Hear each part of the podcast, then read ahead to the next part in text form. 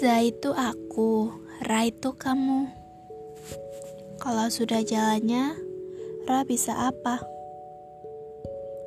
Sekarang aku sudah males, Ra. Malas untuk berdebat tentang perasaan dan hubungan ini.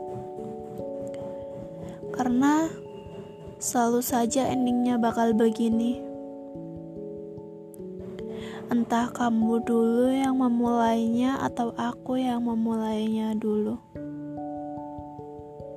Tetapi tetap saja percuma.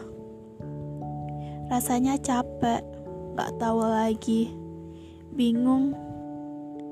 Sedangkan kamu hanya menjawab iya atau bilang, lihat saja nanti. Aku gak mau jika nanti yang kau maksud adalah perpisahan pasti aku bakal jadi orang pertama yang kecewa, Ra.